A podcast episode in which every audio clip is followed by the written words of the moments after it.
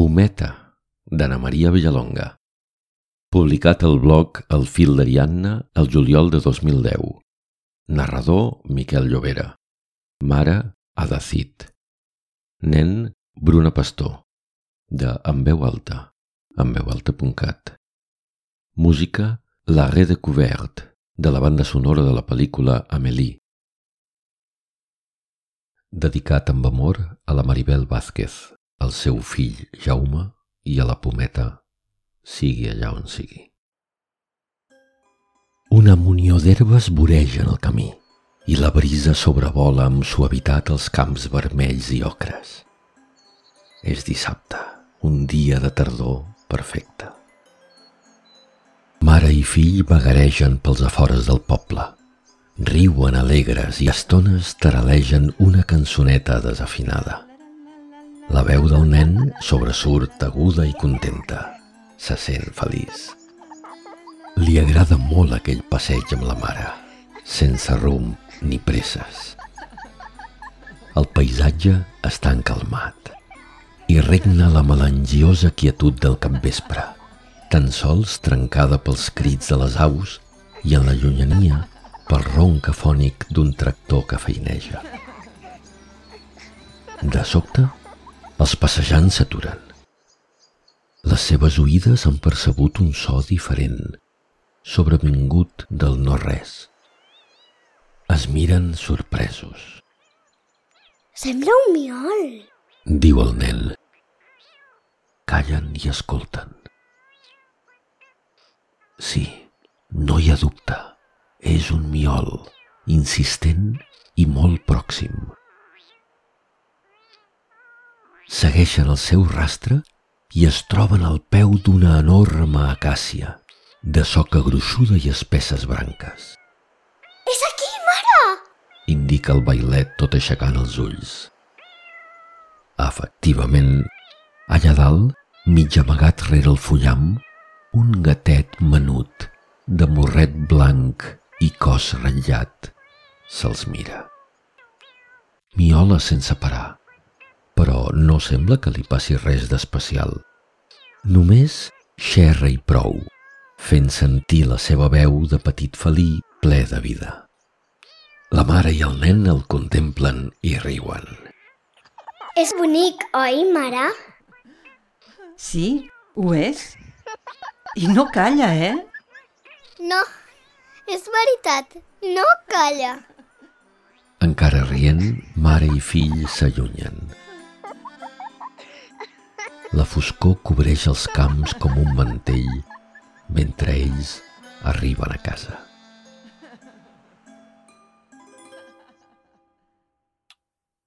Les campanades del rellotge de la sala irrompen en el silenci. La nit s'escola molt lentament, feixuga. A l'infant li sembla que ha passat una eternitat des que va ficar-se al llit. Però Només ha sentit dues campanades. Encara falta molt perquè es faci de dia. Està neguitós i amb uns ulls com taronges. Dóna voltes i voltes desendreçant els llençols i les mantes, però no aconsegueix dormir. El miol del gatet ressona constantment dins les seves orelles. Mentre sopaven, li ha vingut al cap el record de l'animaló i ja no se n'ha pogut desprendre. Per què van tornar cap a casa i el van deixar allà sense preocupar-se'n? Li podria passar alguna cosa. La mare li ha dit que no ha de patir, que els gats són saltadors i trepadors de mena i que, igual que va pujar, el petit gatet baixarà quan ho vulgui i tornarà a casa seva. La mare semblava convençuda, però el nen no s'ho han passat del tot. No pot evitar imaginar-se'l tota la nit damunt de l'arbre, sol, miolant de fam i de por. El nen es lleva, mira per la finestra, enrabiat amb el sol perquè encara no treu el nas. Com s'ho podria manegar per fer córrer el temps? La mare el sorprèn abaltit al sofà de la sala, a tocar del finestral. És molt aviat i una claror lletosa s'escola a través del vidre. El nen té els peus freds. Es desperta quan sent la mare i es posa dret apressadament. Ella de seguida endevina què li passa. Vull tornar-hi a veure si encara hi és. Si us plau, mare. Ella ha de confessar-se interiorment que al llarg de la nit també hi ha pensat. Té prou experiència per saber que, de vegades, als gats petits els costa trobar una drecera per tornar a terra. Decideix escoltar el seu fill. A banda, sap que no té massa opcions perquè el nen no abandonarà fàcilment la idea. Saps què? Agafarem una mica de menjar. Així baixarà segur. S'afanyen a marxar. Un sol tímid, enmig de la boirina tardorenca, treu el cap per la ratlla de l'horitzó. Hi ha rosada, que humiteja les herbes i els camins. A mesura que s'acosten a la càssia, els arriba el miol. Repetit, incansable, però feble i enrogallat. El nen arrenca a córrer. Tenia raó, el gatet ha passat la nit al ras, exposat al fred, espantat i sol. La mare prepara un platet amb menjar i llet al peu de l'arbre. El gatet calla i s'ho mira. Se'l veu molt primet i menut allà dalt, el pèl lluent de rosada. S'haurà refredat, mare. La figureta es belluga amb lentitud. Dubta. Vacila. Avança una poteta. Va, Ànims! ànims! Li diuen mare i fill. Baixa i podràs menjar, que deus tenir molta gana. És clar que l'animaló està espantat. No troba la manera de salvar la distància immensament gran que el separa de terra i del suculent àpat.